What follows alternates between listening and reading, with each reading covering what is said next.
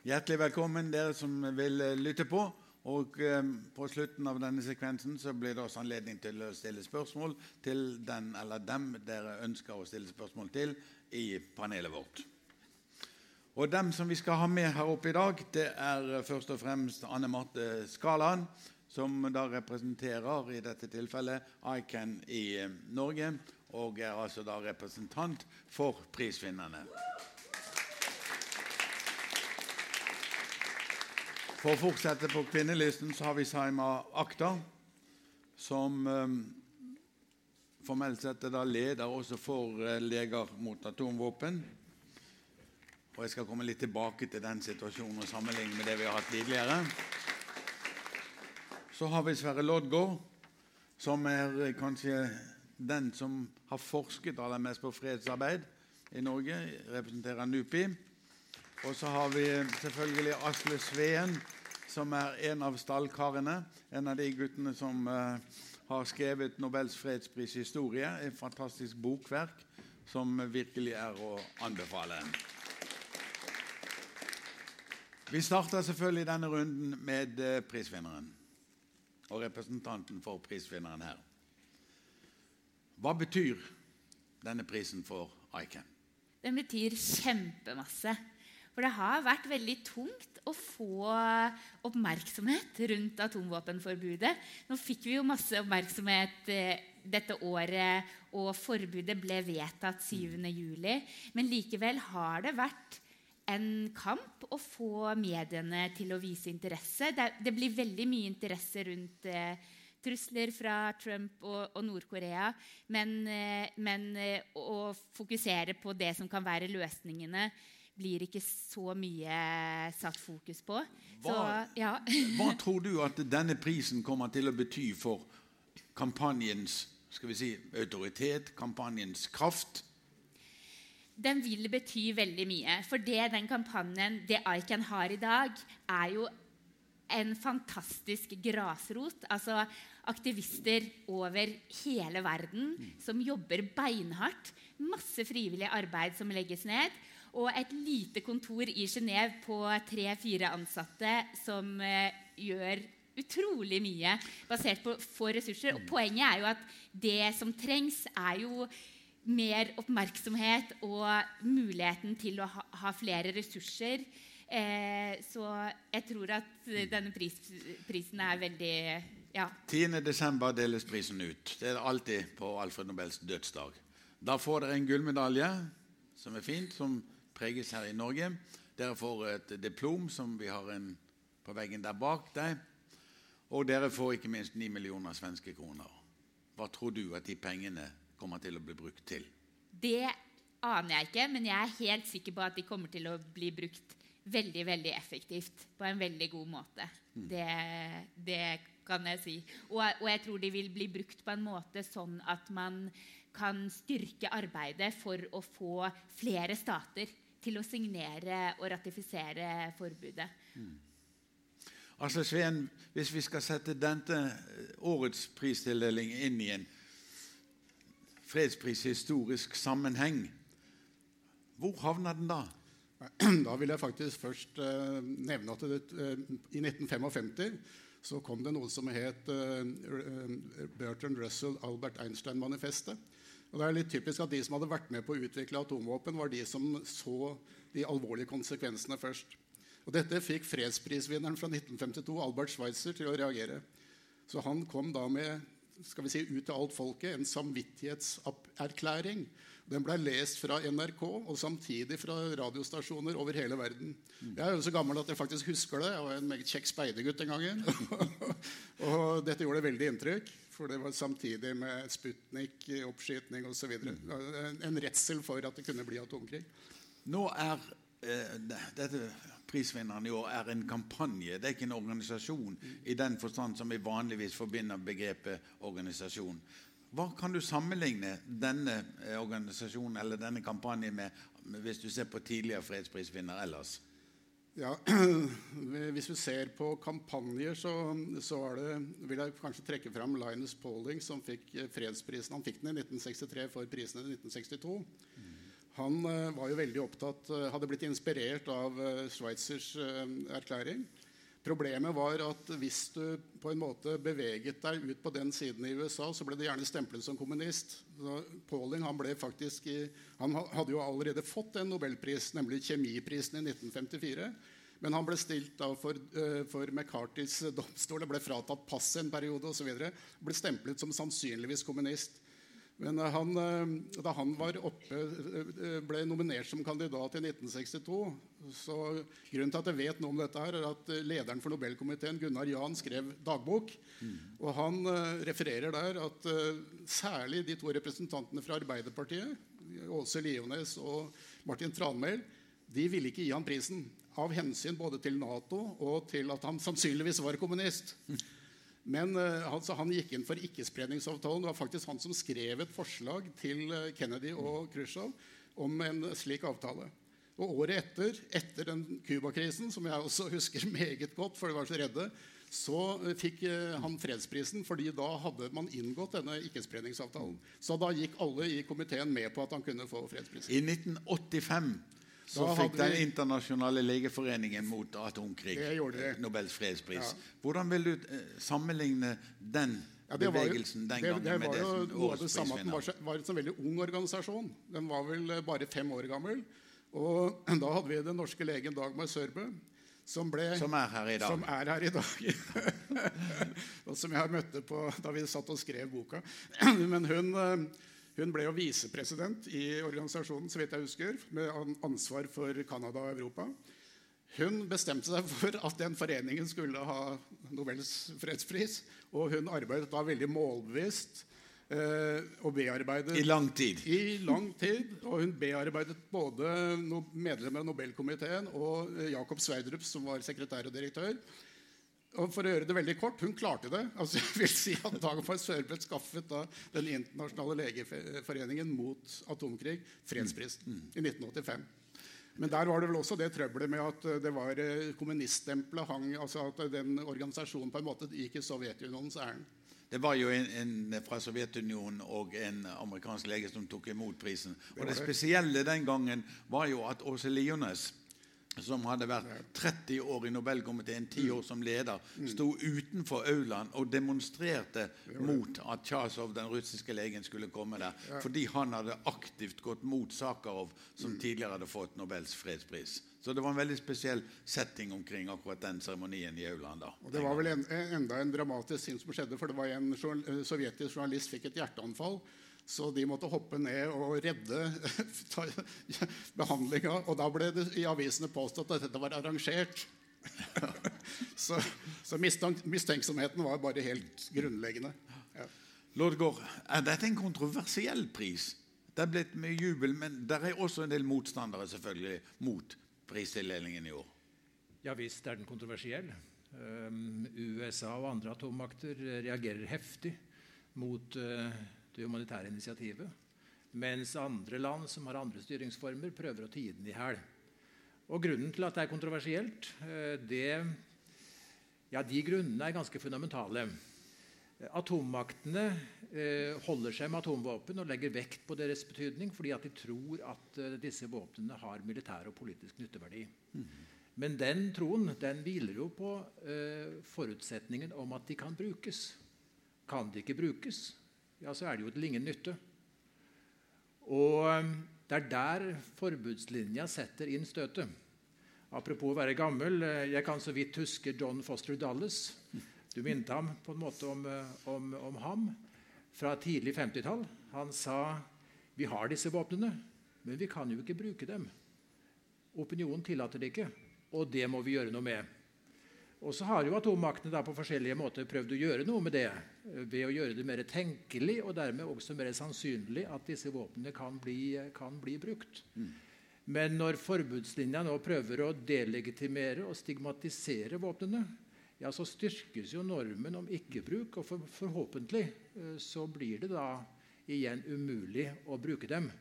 Så det er klart, dette treffer, dette treffer atommaktene i solar plexus. det.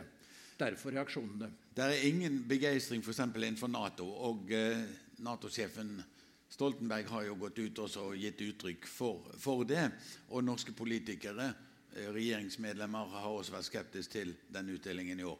Når norske regjeringsmedlemmer er skeptiske til, til utdelingen i år, skyldes det at de er oppriktig uenig i avgjørelsen, eller er de negative fordi de er Nato-medlem?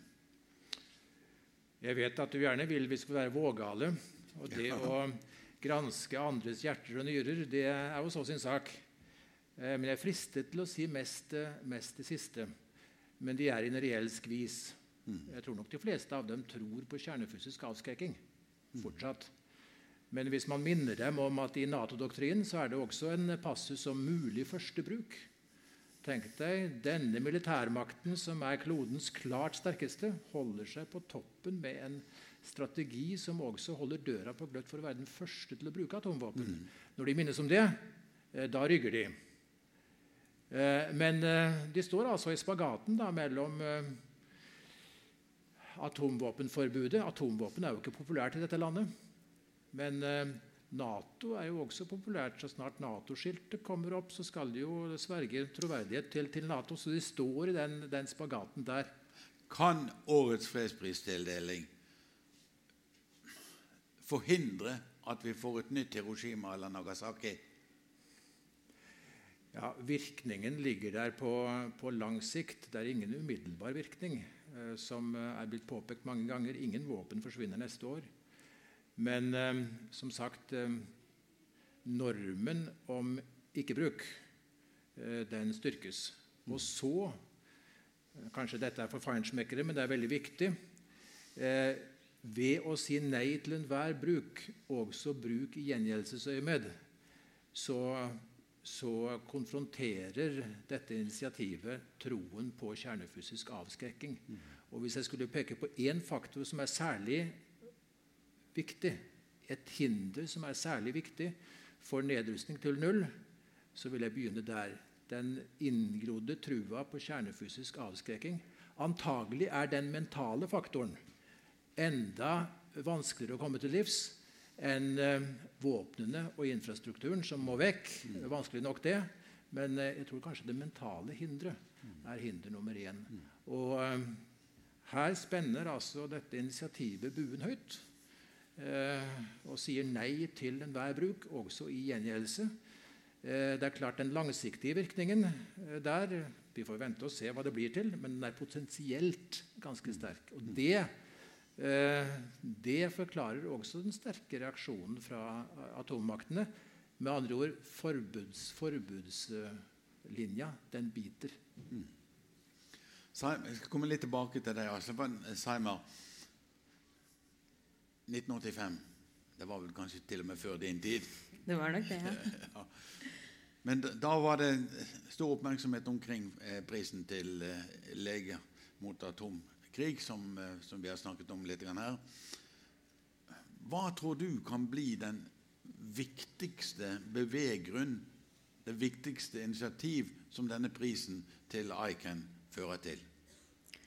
Altså Det å få fredsprisen gir jo en helt ny legitimitet til arbeidet du driver med. Det å få den altså Dette er jo det ytterste merket av anerkjennelse en fredsbevegelse en organisasjon kan få. Sånn at du eh, Og det merker vi i Leger mot eh, atomvåpen også. Mm. At eh, du får en mye st større styrke. Du har en mye større autoritet i ryggen, slik at man får eh, Du blir eh, hørt, du blir raskere anerkjent. Du blir sett på som en mye mer seriøs aktør. Er du selv lege? Ja. Jeg er anestesilege. Hva førte deg inn i dette arbeidet mot atomvåpen? Ja, det er eh, De humanitære konsekvensene bygger jo mye på rett og slett de medisinske konsekvensene. Det at eh, enhver bruk av atomvåpen vil ha så store, fatale helsekonsekvenser i tillegg til konsekvenser på infrastrukturen, mm. som jeg som helsepersonell ikke, Der har ikke jeg å stille opp med. Det ble jo sagt på foredraget tidligere i dag. Det, vi kan ikke gjøre noe hvis man først er så uheldig at ulykken er ute. Mm. Fordi at helsepersonell selv vil bli skadet. Vi ikke, har jo ikke noe eh, hemmelig skjold foran meg. jeg. Sykehusene blir satt ut av spill. Infrastrukturen blir satt ut av spill. Sånn at det her er forebygging den eneste medisin som virker. Så Derfor er- ble jeg engasjert i denne saken. Du var, Skalland, du var litt forsiktig med Eller ikke forsiktig, men du sa at eh, det kommer overveldende på dere. Og eh, det vil få stor betydning for kampanjens videre arbeid. Hva tror du har vært den viktigste beveggrunn for komiteen til å gi prisen til dere? Jeg tror jo at det var selvfølgelig at det er aktuelt, eh, eh, men at de har hatt eh, At de har sett Aiken sitt arbeid, rett og slett. At de har lyttet til argumentene til ICAN om at det er ikke greit at noen stater har atomvåpen. Eh, for ofte så handler det jo om at ja, USA og Storbritannia og Nato-land har, men Nord-Korea får ikke lov. Mens ICANs argument har vært at atomvåpen er et inhumant våpen. Det er ingen aktører som er berettiget å ha det. Eh, og at eh, det nytter ikke å sitte og vente på at atomvåpenstatene skal gå i bresjen. At statene uten atomvåpen må presse de, og det, det har vi gjort, eller det, det er nå gjort med forbud. Men selv om dere leger mot atomkrig og andre har gått aktet inn og ønsker et forbud både mot å bruke dette som en trussel og mot å bruke atomvåpen, så har jo faktisk siden ikkespredningsavtalen kom, så er det blitt flere atommakter, ikke færre. Og eh, arsenalet av atomvåpen er blitt utvidet. Viser det at arbeidet deres fører, ikke fører fram i noe særlig grad? Eh, og nei, absolutt ikke. Altså, nå, Aiken har jo jobba i bare ti år. Ja. Eh, men jeg tenker her er det veldig mye å si. Men altså, først og fremst det store bildet. Det har jo vært massivt folkelig engasjement mot atomvåpen i de 72 årene atomvåpen har eksistert. Jeg tror det har bidratt til at atomvåpen ikke har blitt brukt i angrep mer enn mot Hiroshima og Nagasaki. Og når det er sagt, ICAN er jo, ble jo laget fordi at man så at strategien som man brukte, førte ingen eh, vei. Man fikk ikke til reell nedrustning. Eh, og, og, selvfølgelig fordi det er prinsipielt riktig å forby et inhumant våpen. Så Aiken har jo fått til mye på kort eh, tid. Og nå ser vi at dynamikken har snudd. De humanitære konsekvensene av atomvåpen er det som blir satt fokus på. Og jeg håper jo at, eh, at vi nå kan legge grunnlaget da, for, for å, å eh, få I større til grad å nå fram. Ja, Ja. ordentlig nedrustning, rett og slett. Ja. Asle Sveen, det finnes i dag sies det omkring 300 forskjellige fredspriser, store og mindre, i større og mindre grad. Ingen har hatt den posisjonen, eller har den posisjonen som Nobels fredspris har. Det at prisen i år går til Aiken, vil det styrke posisjonen som Nobels fredspris har? Vil det svekke den? Vil det ha noen betydning i det hele tatt? Den er, naturligvis har det en stor betydning, fordi det er tross alt eh, Det er bare sveipa gjennom internasjonale medier i går. Al Jazeera, CNN, BBC osv. Det, er, det er jo positiv omtale stort sett uh, overalt. Og, og stor debatt. Også Al Jazeera satte den i sammenheng med Iran-avtalen, som jo nå er under press, i og med at eh, 15.10 vil eh, Donald Trump ta en avgjørelse om de skal trekke seg, eller om de skal stå ved avtalen. Så, så og, og, Tror du, apropos det, tror du denne prisen til, til Aiken vil ha noen innvirkning på Trumps Ja, det, kan, holdning? det kan vel gå begge veier. Ja, det er helt umulig å si. Men eh, jeg hadde bare lyst til å gå litt tilbake til Norges litt problematiske forhold til atomnedrustning. For eh, denne Linus Pauling han søkte nemlig om å få holde en konferanse på Nobelinstituttet i Nobelinstituttets store sal eh, i samarbeid med Universitetet i Oslo. Og da eh, var, eh, ifølge eh, Gunnar Jans dagbok, da var nettopp også Åse Leones og Martin Tranmæl, altså Arbeiderpartiet koryfer, sterkt imot dette her av hensyn til Nato og en del ting. Og da Gunnar Jan en ganske morsom replikk. for at Da hadde nemlig Kennedy han hadde sagt at vi må avskaffe atomvåpnene før de avskaffer oss.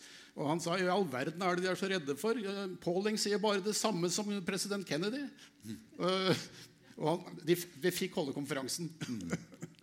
Så, så, men det har alltid vært et problematisk forhold til uh, Du skulle tro at det var slutt med den kalde krigen, hvor liksom dette sovjetspøkelset, kommunistspøkelset var borte.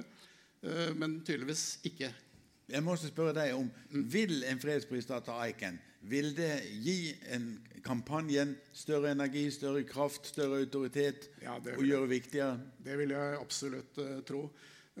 For det, det at du har en fredspris, det gir jo en status men naturligvis også en forpliktelse. Nå er vel dette her lettere for en uh, slik organisasjon enn en f.eks. en enkeltperson som får den, som da kan komme til å gjøre handlinger etterpå som uh, uh, ja, Det er vel bare å nevne Aung San Suu Kyi. Altså, du, en, når du gir en fredspris, kan du aldri vite hva personen kan foreta seg etterpå. Jeg går ut fra at uh, ikke vil gå inn for atomvåpen i nærmeste framtid. La, det gå.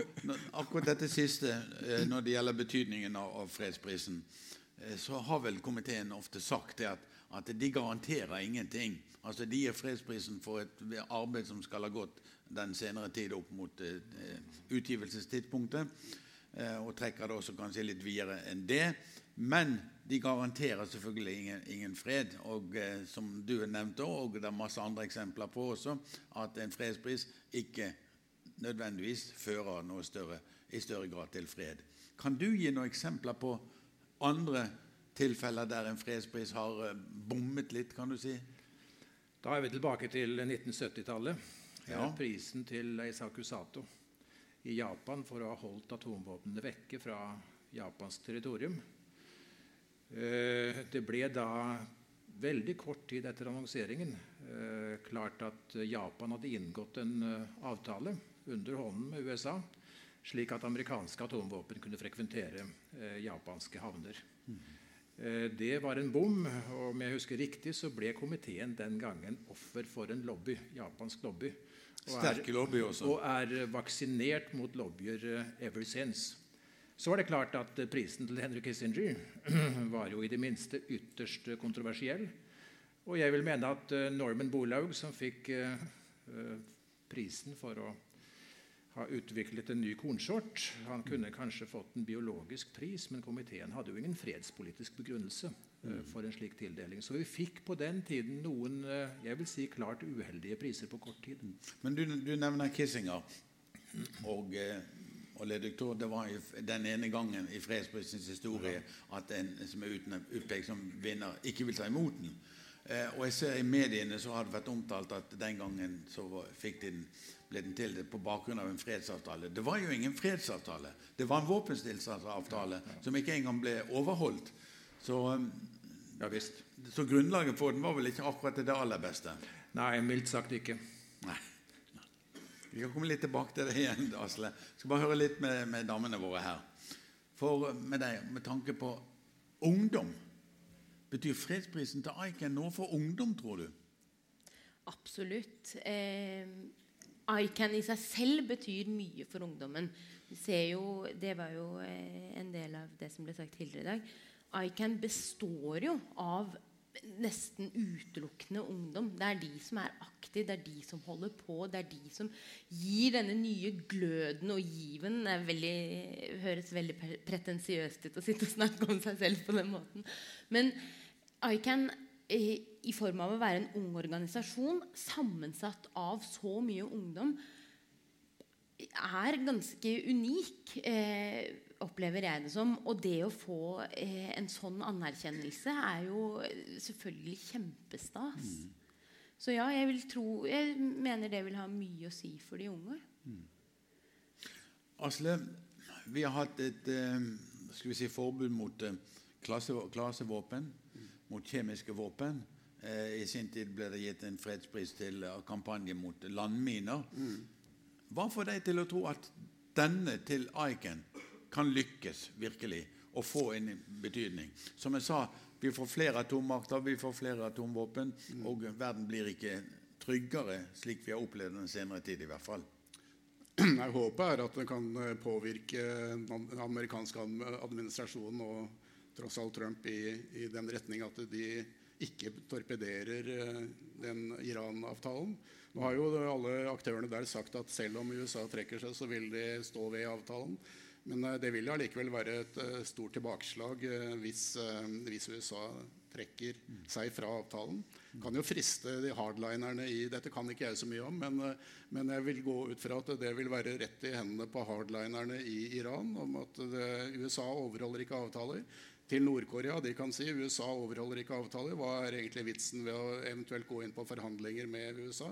Mm. Så Sånn sett så er det litt skummelt. da, men da, Derfor så syns jeg det er veldig flott at den tross alt kom en fredspris nå mm. som setter fokus på, på farene ved kjernefysisk mm. krig. Blant de mange kandidater som var fremme på forhånd i år, Lodgaard, var dette den rette vinner? Er lyden bra. I hvert fall en veldig verdig eh, vinner. Eh, og jeg hadde jo ICAN som favoritt, eh, som dere hørte i går. Eh, men eh, prisen til Iran-avtalen eh, ville også vært en veldig bra pris. Særlig nå som avtalen på en måte er i spill. Du har helt rett i at om USA trekker seg ut altså Det de kan gjøre, er å trekke seg ut. De kan ikke rive avtalen i stykker, som de i sin maktfullkommenhet av og til sier. Eh, for eh, hvis USA trekker seg ut, men Iran allikevel står ved avtalen, vil EU gjøre det samme. Dermed vil hele verden gjøre det samme. Mm. Men en pris til den avtalen nå ville jo vært et bidrag da, til å konsolidere avtalen. Jeg tror nok at det uryddige farvannet som avtalen er inne i, på en eller annen måte har medvirket da, til at det kandidaturet ikke nådde helt opp. Eh, pluss at eh, det da vil hefte noe guilt by association ved en uh, iransk vinner, selv om Sarif er progressiv. Er avgjørelsen til Nobelkomiteen i år også et spark på leggen til den norske regjering? Ja, det er den så klart. Uh, igjen, de står i spagaten. Uh, og i går hørte vi mye skyggeboksing omkring hva Nato-medlemskapet innebærer. Noen sa at vi kan godt underskrive på denne traktaten. Eh, og samtidig fortsatt være medlem av Nato. og Det er formodentlig riktig. Andre sa at, uh, henviste til Natos uh, militære strategi, hvor kjernevåpnene spiller en stor rolle, og hvor som sagt førstebrukopsjon også er med. Og det er klart Man kan ikke samtidig si nei til enhver bruk og så i Nato-sammenheng være med på til og med førstebruk. Så er her er spennet voldsomt. Jeg tror, for å rykke litt fram i diskusjonen, at eh, det ikke ligger an til at eh, noen allierte land skriver under på denne traktaten i eh, nær framtid. Mm. Hva begrunner du det med? La meg ta et lite resonnement for å under, underbygge det. Eh, Genéveprotokollen av 1925 forbød kjemiske og biologiske våpen. Da hadde verden ca. 50 land. 40 av dem underskrev men tok en reservasjon. De sa at eh, så lenge våpnene eksisterer, må vi forbeholde oss retten til å bruke dem i gjengjeldelsessammenheng. Mm. Og Så kunne man tenke seg at eh, de Nato-allierte gjorde det samme. Vi skriver under, men tar en reservasjon. Det er bare det at eh, forbudstraktaten den sier eh, klart og tydelig nei til enhver reservasjon. Mm. Eh, altså avtalens artikkel 16. Mm. Så det er veldig høyt opp og langt frem å få med flere av uh, de allierte. i hvert fall. Simon, jeg vil gjerne spørre deg. Du, kan du gi et råd til vinnerne av årets fredspris? Hvordan bør de utnytte denne posisjonen de nå har fått, den oppmerksomheten de har fått, den styrkede autoritet de sannsynligvis også har fått? Hvordan bør de utnytte denne prisen de nå har fått? Det må jo være eh, å bruke prisen og forbudet til å presse atomvåpenstatene til det ytterste, vil vel være å bruke den Hvordan kan de gjøre det? Ja. På en troverdig og en effektiv måte? Nei eh, ja, Der stiller du et vanskelig spørsmål. Hadde vi hatt svar på det, så ville vi vel vært mye lenger i diskusjonen enn det vi har vært i dag. Men det er jo å fortsette det politiske presset som ICAN eh, holder på med. Det å fortsette å presse alle, både de allierte og atomvåpenstatene, til å eh, vurdere sitt standpunkt til atomvåpen til enhver tid. Hele tiden stille spørsmålstegn med, med hva, hva, betyr alliansen? Sånn som vi snak, eh, Lodgaard snakker om, eh, er alliansen eh, u, altså, er vårt medlemskap i Nato-alliansen er, vi kun en, er vi en aktiv aktør, eller er vi kun en passiv tilskuer til det alliansen bestemmer? Skal ikke vi være med altså, som stat og legge premissene for hva alliansen skal levere? Og det å, helt, å aldri slutte å stille spørsmålstegn ved er dette riktig? Er det slik vi bør gjøre det? Og fortsette det politiske presset. Hvis det ikke er noen som stiller spørsmålstegn med det vi gjør, så vil vi alltid opprettholde status quo slik det er. Anne Marte, er du skuffet over norske politikere, og norske regjeringsmedlemmers eh, reaksjon? Jeg er jo skuffet over at ikke Norge har slutta seg til avtalen. Det, det er jeg. Eh, også, men jeg håper jo at, eh, at det at denne fredsprisen kom nå, og at eh, saken er oppe på dagsordenen, gjør at de tenker seg grundig om. da.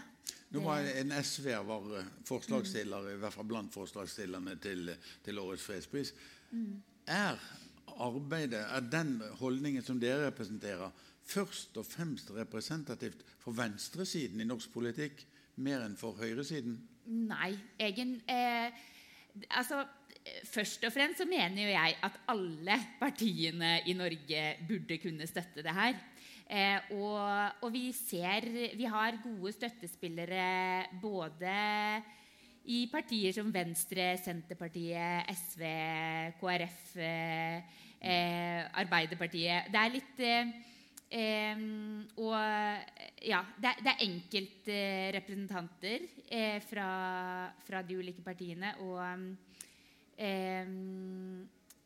nei, jeg, jeg, tror ikke det. Mm. Bygger dere nå videre på Det gjelder for så vidt også for deg sammen.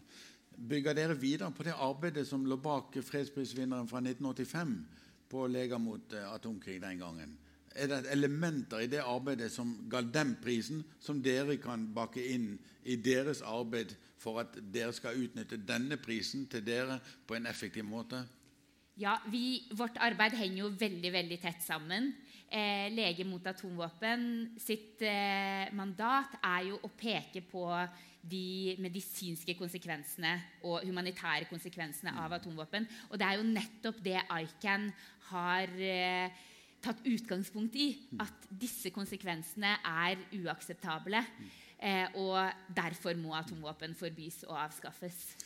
Asle Sveen, mange sier når det kommer en pris til en organisasjon, at det er et hvileskjær. At det er mer, det er mer eh, skal vi si, effektivt, morsommere, uten å misforstå uttrykket, å gi prisen til en eller flere personer i stedet for til en organisasjon. I de gangene det har gått til en kampanje eller en organisasjon, har det blitt en blek pris, eller har det gitt den ønskede effekten? Det, det, har vel variert, men det er klart at det er lettere for media, som uh, er veldig konfliktorientert, uh, å hogge tak i. La oss si at det ble, hadde blitt prisen til uh, Iran-avtalen så kunne de ha eh, gått løs på Sarif ikke sant? og sagt han representerte en eh, stat som bryter menneskerettighetene på en rekke områder. Så hadde veldig mye fokus blitt på det, og så hadde de fått en diskusjon. Mens uh, her sånn er det jo i år er det jo ikke noe mulig å gå til angrep på noen uh, spesiell person og, grave opp i fortid. Eller, så sånn sett så, så, for journalister så vil det ofte være vanskeligere for dem å spisse Eh, spisse omtalen. Men, eh, men her syns jeg det, altså, det, kommer an på liksom hvor viktig oppleves det organisasjonen står for. Eh, det er vel klart at da kjemiske, altså forbudet mot kjemiske våpenorganisasjonen fikk det, så var det en veldig oppmerksomhet. Og så tenkte folk ja, nå blir det løst, for Syria har gitt opp kjemiske våpen. Og, og så har det blitt brukt riktignok etterpå. men så svaret er litt sånn ja, det kan skje at det blir oppfattet som en mer eh, ikke så spennende pris. Når du som en av eh, de store historikerne som har skapt, eller ikke skapt, men skrevet Nobels fredsprishistorie, når du blar gjennom denne historieboken, eller disse historiebøkene, hvem er din stjerne blant alle fredsprisvinnere? Ja, Det er veldig lett å peke på Karl von Ossietzky. Da. Det er jo det, fordi det var første gang I 1935. nitt- ja, Han fikk den i 1936 for prisen i for, ja. fordi det var en voldsom indre strid i Nobelkomiteen. Det var det som førte til at, eh, at eh, eh, Stortinget vedtok at ikke noe sittende regjeringsmedlem kan være aktiv i komiteen. Her er jo en liten misforståelse. Man kunne nemlig fortsette i komiteen, men man kunne ikke få lov å være aktiv. Det gjaldt bl.a. utenriksminister Koht. Men da utfordret man Hitler-Tyskland. Og Det var det første gang man altså nei, utfordret et diktatur, og da med enorme debatt, fordi Knut Hamsun støttet jo Hitler og mente at Ossietzky var landsforræder. Og vi fikk en veldig intern debatt i Norge. Det har vært, vært en debatt også om, eh, og det var jo KOT også den gangen, hvorvidt eh, dette blir betraktet ikke bare som en totalt uavhengig eh, komité, Ja, ja. Nobelkomiteen, Nobels, eh, ja, fred, den norske Nobelkomiteen. Eh, det at de har gitt prisen i år til en kampanje der norske politikere, iallfall norske regjeringsmedlemmer, ikke vil støtte det, er det et element som kan underbygge uavhengighetsspørsmålet? Absolutt. For mange har jo veldig problemer med å skille staten Norge og Nobelkomiteen. Selv om prisen til Lieu Xiaobo egentlig burde gjort det klart for alle eh, at eh, komiteen er uavhengig. Men eh, i og med at den norske regjeringen nå altså Det førte til den debatten vi har, hadde i går, og som sikkert vil fortsette, så understreker jo det komiteens uavhengighet. Problemet, eh, sånn som jeg ser det, er jo selve seremonien i rådhuset når prisen deles ut. Der sitter konge, regjering osv. på første benk. Og det er veldig vanskelig da for utlendinger å forstå at denne prisen, altså at komiteen er totalt uavhengig av den norske regjering. Så der er det et vedvarende problem. At, eh, Som kineserne jo til fulle utnyttet da Liu Xiaobo fikk eh, prisen. Hvem kommer til å representere kampanjen under prisutdelingen i Rådhuset 10.12.? Jeg, jeg vet ikke det, men jeg regner med at det er leder Beatrice Finn, Skinn, som eh, har, eh, er en helt fantastisk leder for ICAN, og som har holdt veldig veldig mange gode taler om eh, at atomvåpen er uakseptabelt de siste årene. Hvordan, jeg har spurt deg litt om hva, dere vil jobbe med intenst videre for å bruke alt det denne, denne prisen er verdt. Du er en ung dame. Og du har en sidedame der som også er ganske ung. Hvordan kan dere bruke denne prisen i sterkere grad enn tilfellet kanskje har vært, til å appellere til ungdom, til å den måten å øke presset mot de politikerne som sitter med makten, og som eventuelt kan komme til å bruke, eller la være å bruke aller helst, atomvåpen? Jeg tror vi må fortsette den type arbeid som vi har gjort. Det klassiske aktivistarbeidet. Jobbe med lobby opp mot politikere. Jobbe med å skape medieoppmerksomhet. Bygge nettverk. Men at vi kan bruke fredsprisen i nettopp det arbeidet. Jobber dere i Norge for eksempel sammen med Nei til atomvåpen eller andre? Ja, det gjør vi. Vi, vi samarbeider eh, på tvers av mange, mange organisasjoner. Det gjør vi. Er du enig også at det må kanskje utvide arbeidet? Jobbe sammen med flere for å få større effekt i arbeidet? Jeg tror jo eh, først og fremst eh, så må vi jo bruke dette til å få stablet ICAN Norge på beina igjen. Eh, fordi Vi har dårlig med penger. vi har ingen penger, eh, er vel, eh, og vi har per 1.11. ingen eh, daglig leder eller organisasjonsleder lenger. Sånn at eh, vi begynner, eh, til tross for en pris som gis eh, i dag til en veldig sterk organisasjon, så gis det også til en organisasjon som eh, nesten er i ferd med å ikke eksistere i Norge. Sånn at det, det første vi må gjøre, er jo rett og slett å få stabla på beina igjen en sterk organisasjon, en sterk organisasjonsledelse. Eh, og eh, ja, Så der må vi jo starte. Og selvfølgelig, eh, ICAN jobber jo har jo vært eh, styrt av en styringsgruppe som går på tvers av eh, organisasjoner, partipolitisk tilhørighet. Altså, det er jo Alle får lov til å være med. Og, eh, og det så vi jo på feiringen i går, hvor det er representanter fra altså, så å si alle samfunnslag, alle politiske partier, alle har en aksje i ICAN. Altså. Sara Lodgaard, du har vært litt inne på det tidligere, men jeg vil gjerne presisere dette, eller gå litt dypere inn på det spørsmålet om hva denne prisen kan, kan føre til.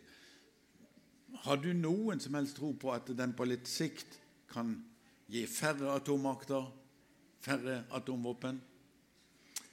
Det er et par ansatser som, eh, som er viktige, utover de som vi allerede har nevnt. Eh, en nydannelse her er at eh, forbudstraktaten den ble til i et samvirke mellom det sivile samfunn, med ICAN som spydspiss, og regjeringsrepresentanter. Det er noe som jeg håper og tror vi kommer til å se mer av. For noen år siden begynte vi å snakke om sikkerhet for stater versus sikkerhet for folk. Eh, staters sikkerhet ivaretas av regjeringsrepresentanter og, og sikkerhetsbyråkrater eh, som samtaler ofte i lukkede rom. Natos kjernefysiske planleggingsgruppe er et godt eksempel på, på det. Eh, nå har det sivile samfunn eh, tatt eh, liksom spørsmålet ut i offentligheten på en ganske kraftfull måte og sier at sikkerhet er også et, et, et spørsmål om sikkerhet for folk flest. Mm. Og, og det er, det er uh, verdifullt. Du sa at Aiken var din favoritt på, på forhånd. Er det noe i din oppfatning Hefter det noe negativt med det å gi prisen til Aiken? Nei, jeg kan egentlig ikke se det. Nei. Eh, for det er en prinsipiell pris eh, som går til det fundamentale Eh, jeg nevnte kjernefysisk avskrekking som eh, en særlig stor eh, hump i veien. Det denne tilnærmingen gjør, den humanitære, det er å ta avstand fra den, ikke på avskrekkingens egne premisser, mm. ved å fortsette diskusjonen om irrasjonelle ledere, tekniske feil, feilbedømmelser osv. Men man, man konfronterer avskrekkingens eh, gyldighet på et annet grunnlag, på det humanitære grunnlaget. Altså et helt prinsipielt eh, grunnlag eh, som i utgangspunktet er uangripelig. Jeg har tro på at dette her, dette her vil sette spor. Og som sagt, når atommaktene reagerer som de gjør, så er det et tegn på at dette her biter. Mm. Altså, Sveen, det har jo vært krefter også i Norge da, som som mener at en rekke tildelinger som denne komiteen har foretatt, ikke er i pakt med ånden og ordlyden i testamentet. Er beslutningen om å gi det til Aiken fullt og helt i Alfred Nobels ånd? Ja, det er vel helt åpenbart. For det var jo din tredeling, da, brorskap mellom folkene. Eh, konferan altså, eh, konferanser om nedrustning og eh, selve nedrustning av våpen. Så her er det jo total, helt innenfor. Og selv Heffemel er vel veldig fornøyd, han som har vært mest kritisk til mm. en rekke tildelinger. Men jeg har også lyst til å si dette her med venstresidestempelet, som naturligvis ikke er så rart, kanskje, i og med at F.eks. SVs forløper SF ble jo eh, stiftet med bakgrunn i kamp mot atomvåpen. Og jeg husker Som gymnasiast på Stabekk eh, eh, gymnas som det het gangen, så kom studentene og hadde arrangert tog som skulle gå til Natos hovedkvarter på, på Kolsås. Og da arrangerte Unge Høyre steinkasting på demonstrantene. så det var, det var klar, klar melding.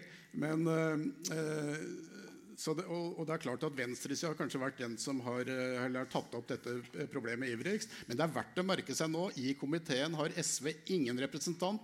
Fremskrittspartiet har. mm. det, så det er ikke noen men det, men, men, det har med oppslutningen på Stortinget å gjøre? Ja, jo, jo, men allikevel. Altså, dette er en komité som jo overhodet ikke er dominert av noen uh, spesielt radikale. Og det er jo Nato-tilhengere, vel, alle som sitter der. Mm. Så, så, jeg syns det er verdt å merke seg. Mm. SV har ingen representanter i Nobelkomiteen nå. Burde da dette, den tildelingen Nå skal jeg slippe til folk i salen, men et spørsmål til deg først. Burde denne tildelingen føre til at Stortinget på nytt ser på premissene for utvelgelse av eh, medlemmer av Nobelkomiteen? Nå står det jo riktignok eh, i testamentet eller Alfred Nobel ville jo at Stortinget skulle oppnevne eh, medlemmene av komiteen. Spørsmålet, som jo har vært eh, hele, helt fra begynnelsen, er skulle komiteen internasjonaliseres, få, få inn eksperter osv. Men eh, de fleste har vært enige om, og, og amerikanske eksperter, jeg husker Irvin Abrams, som regnes som virkelig den veteranen når det gjelder fredsprinsens historie, sa nei. Norge ligger litt til venstre for uh, verdensopinionen. Der må denne prisen ligge. Må jo ikke blande inn andre, for det, det, vil, aldri, det blir bare surr. La Norge dele ut denne prisen, og det har vel de fleste konkludert med. Så er spørsmålet om uh, politikere. da.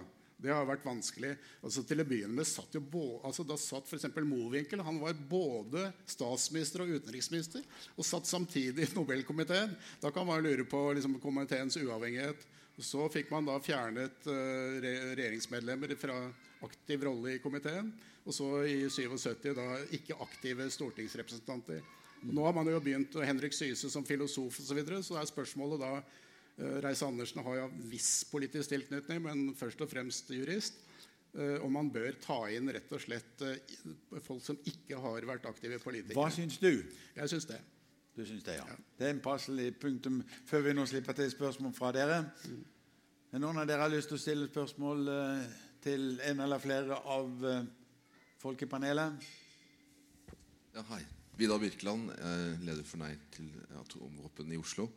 Jeg er veldig opptatt av på en måte, betydningen juridisk av denne tildelingen og av arbeidet som ICAN gjør i forhold til ja, hvor, at det blir vanskelig for atomindustrien å få måte, penger. At det, at det, skaper utfordringer for dem. At man får et nytt regime på hva som er riktig og galt i verden.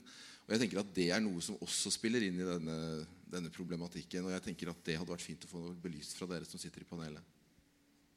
Ja, Hvem av dere lyst til å si noe om det? Jeg kan godt uh, ja. ja. Veldig godt spørsmål. For det, det du peker på, er jo at forbudet vil ha virkninger på mange, mange ulike måter. Og eh, sånn juridisk så vil jo eh, forbudet tre i kraft. Når 50 stater har ratifisert, så vil det være gjeldende lov i de statene som har ratifisert. Men det vil jo bli en norm for den øvrige verden også. Men da vil det være ulovlig å ha noe med atomvåpen å gjøre. Og da også investeringer eh, i atomvåpen og produksjon av atomvåpen. Og i dag så lages jo atomvåpen ved at eh, eh selskaper eh, i mange ulike land bidrar til å selge deler til atomvåpen. Og banker, fond i mange ulike land eh, bidrar med finansieringen. Sånn at forbudet vil stikke kjepper i hjulene på ulike måter. Da, og gjøre det vanskeligere å produsere atomvåpen, rett og slett. Greit. Flere spørsmål? Kom igjen da, folkens. Ja? Dagmar Lo, som uh, ivret for og tilhørte organisasjonen som da fikk uh, prisen i 1985. Altså, jeg har jo i hvert fall veldig lyst til å gratulere uh, ICAN. Men du spurte i sted hvilken sammenheng det var liksom, mellom disse to kvinnene. Og det er ikke kommet helt riktig frem i norsk media. Og det er at vi som startet IPPNW International Physicians for the Prevention of Nuclear War, vi anla en strategi som mer henvendte seg til kanskje akademia og den politiske eliten, for vi ønsket å påvirke dem i deres avgjørelser. Den gangen var det dobbeltvedtak og utplassering av mellomdistanseraketter i Europa. Og og det kan si det var en massive demonstrasjoner i Europa. Millioner av mennesker demonstrerte mot disse våpnene som skulle utplasseres, SS-20 osv. Mens vi prøvde å anlegge en strategi som ville gjøre at vi var liksom litt mer comme il faut. At vi kunne snakke med politikere på litt mer lik linje fordi vi selv tilhørte en sterk yrkesgruppe. Men selvfølgelig hadde vi alltid diskusjonen i IPPNW sin ledelse om hvor, vidt, hvor folkelig vi skulle være, eller hvor bredt vi skulle anlegge vår strategi. Og vi kanskje havnet på at vi skulle ha en slags dobbeltstrategi. Vi skulle være, favne bredt og være folkelig, og vi skulle samtidig ha en lobbystrategi. Og I den sammenheng så var det en av våre medlemmer, og han har jeg lyst til å trekke frem, Fordi han er det ingen som har nevnt. Det er professor Tilman Ruff, som er på universitetet i Melbourne i Australia, som fant på dette med ICAN. Og han startet ICAN i 2007. Og det var selvfølgelig en organisasjon som våre studenter og våre yngre medlemmer tok del i. Og den skulle nettopp være slik at også personer som ikke var leger, skulle få lov til å være medlem. Og da også via andre organisasjoner, nettopp for å få denne store folkelige bevegelsen. Og det kan man jo se har vært veldig nyttig og veldig bra. Når det gjelder norsk partipolitikk, så har jeg lyst til å si noe. Det er riktig det at vi, og så tar du et ja, spørsmål til det. Ja, Vi ble veldig ja. stemplet som venstrevridde. Men det syns jeg vi eh, det, Om gikk det veldig bra. For jeg syns at man skal vektlegge det eksistensielle. Altså Atomspørsmålet er ikke partipolitisk krangel. Det er altfor primitivt å tro at det er det. Mm. Og det må heves ut av den type krangel. Og så må vi også være villige til å kritisere vår egen politikk internasjonalt. Og ikke være så himla redde for Brende og hva de alle heter. Ok. Takk skal du ha. Aiken, skal den være en lobbyorganisasjon, eller skal den være bred folkelig som skal henvende seg til den store massen og argumentere på det planet? Um, Ican har jo gjort Eh, begge deler. Men, men, man har jo måttet prioritere og jobbe veldig systematisk for å få på plass dette forbudet. Og da har det jo vært det som har stått i fokus, har jo vært arbeid opp mot eh, politikere, opp mot mm. diplomater i de ulike landene. Og også da å følge prosessen og koordinere sivilsamfunnets rolle inn i, i, i, forhandlingene som har foregått i, i FN mm. Eh, i år. Da. Ja. Norge. Eh, ICAN har jo nå lagt sin plattform for videre arbeid i og med forbudstraktaten. og Dere er forpliktet til å følge opp det, og det er som det skal være. Eh, det som jeg vil tilføye, er at på samme måte som komiteen sier at det er mange veier til fred, så er det også mange veier til nedrustning. Det er rustningskontroll, det er nedrustning, det er doktrineendringer, det er overføring av ressurser fra kjernefysisk sektor til sivile formål osv. Det er viktig eh, ikke å lage motsetninger eh, mellom disse forskjellige tilnærmingene, for de har alle noe å tilby. I øyeblikket så eh, er det no go for de som har argumentert for stegvis framrykking. Det er jo en del av bakgrunnen for at ICAN har skutt fart og, og blomstrer. Men vi håper jo at den tida kommer at det igjen er mulig å henvende seg til atommaktene og få de til å være med på konkrete tiltak. Da kommer stegvis tilnærming, rustningskontroll for å redusere faren for bruk, tilbake inn i bildet. Eh, så mens det nå i en brytningstid har vært en del gnisninger, og de kan ha vært nødvendige de, for å få frem budskapet til, til ICAN, Eh, så må vi være klar over dette på lengre sikt, at eh, det å søke samarbeid det er tross alt viktigst om en felles sak. Det er mange organisasjoner Svein, som har fått Nobels fredspris fra 1901 og frem til, til, i dag. Skiller denne organisasjonen eller denne kampanjen seg i vesentlig grad fra de fleste andre? Nei, det vil jeg vel ikke si. Kanskje det at den er, ja, at den er såpass ung, da. Det, det, er jo, det, er jo, noe som at man på så kort tid egentlig har klart å opparbeide seg en sånn uh, rykte at den får Nobels fredspris. Det vil jeg si er, det er ikke, kan jeg ikke komme på noen i farten uh, i samme mm. kategori. Hva vil du som historiker gleder du deg mest til å rote opp i ICAN når du skal skrive historien om det som har skjedd i år? Ja, jeg må jo holde meg i live. Så nei, det, det, kan jo bli veldig spennende, det. det eh, med hovedkvarteret Genéve. Det er jo virkelig en litt historisk sus over. Eh, organisasjoner som har hatt der, bl.a. Den internasjonale kvinneligaen til Jane Addams, som kanskje ikke er så veldig kjent, men hun var faktisk eh, fredsprisvinner da i 1931. Hun var en av de første som gikk inn for Det var jo to kvinner på den tiden som fikk fredspris med tilknytning til ligaen. Ja da. Det, det var også Emily Green Bolch i 1946, ja. som heller ikke fikk gratulasjon av USA fordi hun hadde en radikal fortid.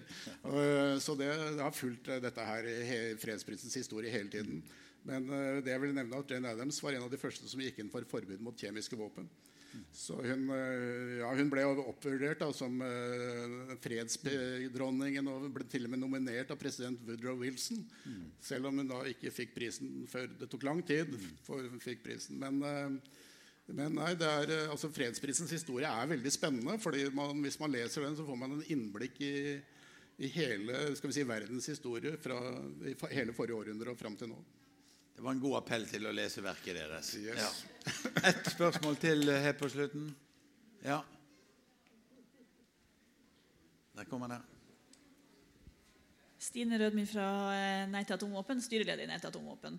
Vi har jo eh, vært med på ICAN-kampanjen helt fra starten i, i, Norge. Men eh, det som kanskje ikke kommer fram så lett i media, er jo at ICAN er også en veldig praktisk kampanje. Så jeg tenkte at kanskje Eh, fredsprisvinnerne kunne få kommentere eh, det her med økonomi. Hvis jeg nå skulle ta et lån eh, i en norsk bank og kjøpe leilighet, har dere et tips? Hvem kan man bruke og slippe å ha atomvåpen i investeringsporteføljer til bankene? Ja, hva sier ja, du? Det kan jeg svare på. Eh, det, heldigvis er det veldig, veldig høy bevissthet eh, rundt eh, etikk, og at man ikke skal investere i atomvåpen i, i de fleste norske banker. Mm. Eh, og så er det, Vi er med på å gi ut en rapport som heter 'Don't Bank on the Bomb'. Eh, som kommer ut hvert år. Og da bruker Storebrand å komme på sånn Hall of Fame. Så de er veldig De er, de er gode å bruke. Ja. Nå skal vi avslutte ved at dere skal få ett spørsmål som dere skal svare kort på, alle, alle fire. Og det har uh, utgangspunkt i Martin Luther King, 'I Have a Dream'. Da Jimmy Carter fikk Nobels fredspris, så fortalte kona til Jimmy Carter meg at da eh, Jimmy Carter hadde vært guvernør i Georgia, så hadde han et bilde av Martin Luther King hengende på sitt kontor. Og det ble til stadighet revet ned av folk som ikke aksepterte pga. hudfarge og hans engasjement ut ifra det. Men I have a dream. Hva er deres drøm i dag når det gjelder troen på fremtiden og dette med å forby atomvåpen? Bruk av atomvåpen og å komme med trusler om bruk av atomvåpen. Hva er din drøm? Jeg drømmer jo om en verden fri for atomvåpen. Og så vil jo det ta, jo det ta tid. Men, eh, men det er jo drømmen tok Marte mitt svar. fordi det må jo være en verden fri for atomvåpen for oss og for de kommende generasjoner. Mm. Men det må starte nå. Vi har aldri vært så nære en kjernevåpenfri verden som i 1986. Reagan og Gorbatsjov i Reykjavik. Så jeg vil ønske meg en ny slik situasjon. Enda litt bedre utnyttet enn den gangen. Ja. Asle Sveen, Nei, Da tenker jeg på det alle astronauter eh, sier som har sirklet rundt uh, jorda, i, i, MIR, som betyr fred, bl.a., altså romstasjonen, som sier at når de ser ned, ser de ingen grenser, de ser ingen religiøse konflikter, de ser ikke noe våpen som rettes. Og tenker seg hvorfor i all verden har vi eh, Når vi kommer ned på jorda, ser alle disse konfliktene. Så drømmen er vel egentlig at alle kunne se det fra det perspektivet. Den lille, lille dotten vi bor på i verdensrommet Uh, og at det skulle være mulig da, å komme til litt mer fred og harmoni og uten våpen som ja, For å sitere Kennedy vi må avskaffe atomvåpnene før de avskaffer oss. Hmm. Det var en fin avslutning fra dere alle fire. Og da avslutter vi det med denne sekvensen med dere om årets pris.